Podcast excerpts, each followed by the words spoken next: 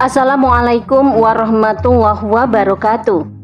Sahabat podcast Narasi Pos Media, kembali lagi bersama saya, Yeni, dalam rubrik Opini. Berikut selengkapnya. Tanah surga yang salah kelola. Islam solusi paripurna. Oleh Isti Daiyah. Orang bilang tanah kita tanah surga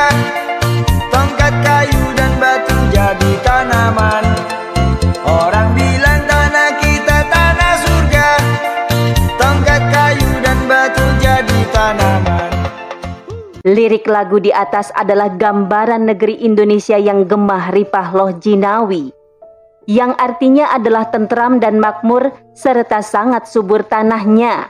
Namun, anugerah dari Allah Subhanahu wa taala tersebut sekarang tidak bisa sepenuhnya dinikmati oleh penduduk negeri ini. Karena hampir semua sumber daya alamnya telah tergadai di tangan para korporasi. Apalagi selama hampir dua tahun pandemi menghantam negeri, kesejahteraan rakyat kecil seakan jauh panggang dari api. Bahkan negara yang dijuluki Zamrud Hatulistiwa ini untuk sekadar memberi bantuan sosial kepada rakyatnya di kala pandemi saja sudah tidak mampu lagi. Bantuan sosial tunai sebesar 300 ribu rupiah pada akhirnya juga harus terhenti. Seperti yang diberitakan oleh CNN Indonesia bahwa Menteri Sosial Tri Risma hari ini menyatakan mulai bulan September tahun ini telah menghentikan bantuan sosial tunai COVID-19 kepada warga yang terdampak pandemi.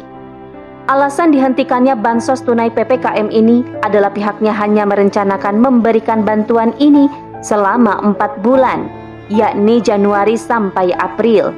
Alasan lainnya saat ini perekonomian masyarakat sudah mulai bergerak meski masih ada PPKM. Risma juga mengungkapkan bahwa tidak semua bantuan harus dibebankan kepada pemerintah. Padahal adanya negara dan pemerintah adalah agar kehidupan seluruh rakyatnya sejahtera. Namun, kenyataannya tahun ini dan tahun-tahun sebelumnya, rezim berkuasa kembali gagal menyejahterakan rakyatnya. Hal ini terlihat dari tidak terpenuhinya hajat hidup asasiah, di antaranya sandang pangan, air bersih, maupun pemukiman. Demikian juga dengan kesehatan, pendidikan, keamanan, hingga energi dan transportasi. Meskipun pihak rezim berkuasa menyuarakan keberhasilan, namun fakta justru berkata sebaliknya. Kesulitan ekonomi yang dirasakan saat ini hanya satu di antara sekian banyak derita yang dihadapi masyarakat Indonesia. Pemerintah seakan telah mati rasa terhadap rakyat, terutama kalangan papa kalangan marginal dan rakyat jelata. Pemerintah tega memosisikan dirinya menjadi perpanjangan tangan para pemilik modal. Penguasa saat ini pun tidak berbeda dengan para penguasa terdahulunya. Selama masih berkiblat kepada sistem kapitalisme sekuler, berharap rakyat akan sejahtera hanya ilusi. Karena dalam sistem ini, penguasa tidak akan pernah sungguh-sungguh berpihak dan melayani kebutuhan rakyatnya Sistem kapitalisme sekuler tidak sepenuh hati meri ayah rakyat. Bantuan yang diberikan kepada rakyat hanya sementara. Ini jelas tidak mampu menyelesaikan masalah. Janji manis penguasa untuk memberi kesejahteraan kepada rakyat hanya retorika belaka. Pelayanan terhadap kepentingan rakyat secara pasti semakin dikurangi. Rakyat kecil akan menjadi penderita utama dalam sistem kapitalis ini subsidi energi dan sejenisnya dikurangi, bahkan tiada lagi. Makin jauh harapan rakyat kecil dari kata sejahtera. Ironisnya di tengah derita rakyat kecil ini, penguasa justru semakin memakmurkan pengusaha asing dan korporat di negeri ini. Melalui produk undang-undang, negara memosisikan dirinya hanya sebagai regulator kepentingan oligarki negara tidak lagi berperan sebagai pelayan rakyat yang membuat rakyat sejahtera dan tidak berusaha menyediakan semua hajat hidup masyarakat secara layak dan murah, bahkan gratis. Tapi pemerintah telah bersalin rupa menjadi pengusaha yang turut menjadikan rakyat sebagai sumber pendapatan negara dengan menggadaikan kepemilikan umum menjadi milik individu atau swasta.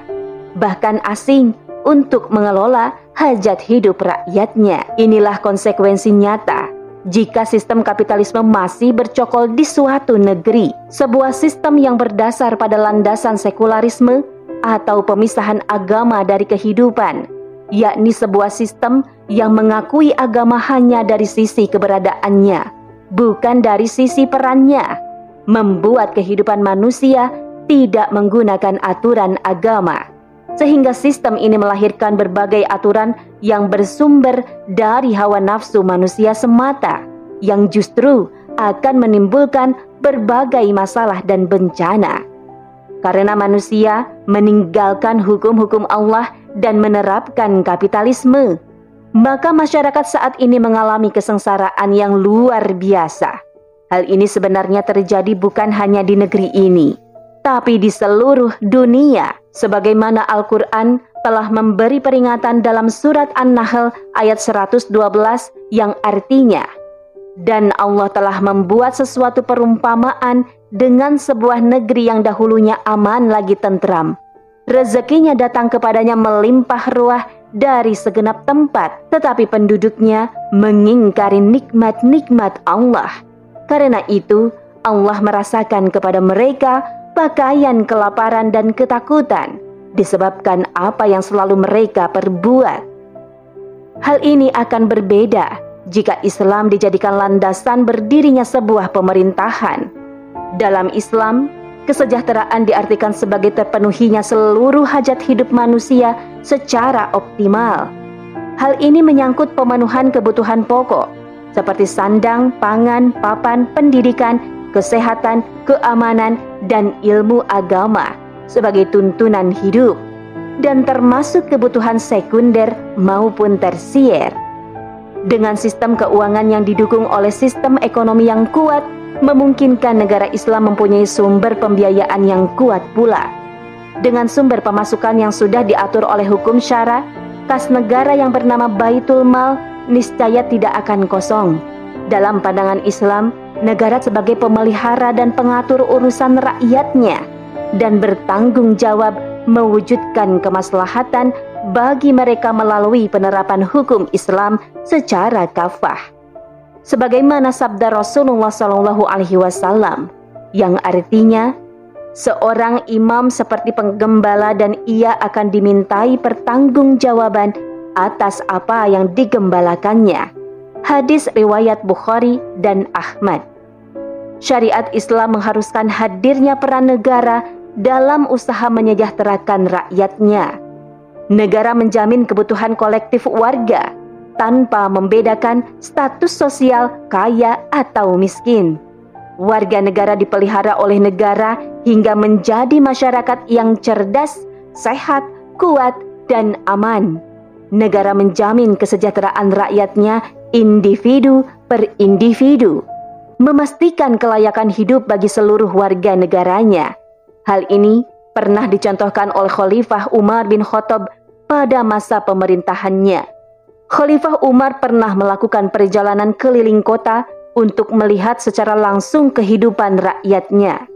Ketika ditemui rakyatnya yang kelaparan, beliau sendiri yang memanggul karung makanan untuk diberikan kepada rakyat yang kelaparan tersebut. Bahkan ia sendiri yang memasakkannya. Kisah lain, Umar pernah berkata kepada pegawainya yang bertugas membagikan sedekah. Jika kamu memberikan, maka cukupkanlah.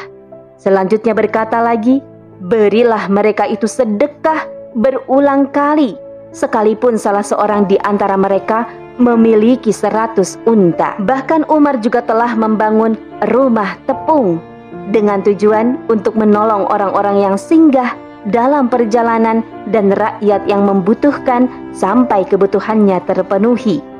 Inilah fakta di mana sistem Islam dalam bingkai khilafah telah bekerja keras untuk memenuhi kebutuhan pokok dan menyejahterakan rakyatnya.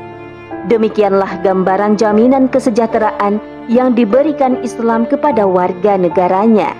Sistem Islam telah terbukti mampu menghadirkan kesejahteraan bagi rakyatnya.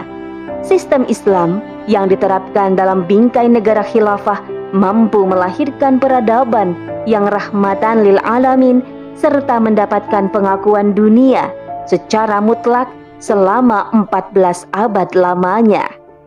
Oleh karena itu, sebagai umat terbesar di negeri ini, sudah saatnya mencari solusi alternatif untuk mewujudkan kesejahteraan yang hakiki, yaitu sebuah tatanan pemerintahan yang diridhoi Allah Subhanahu wa taala.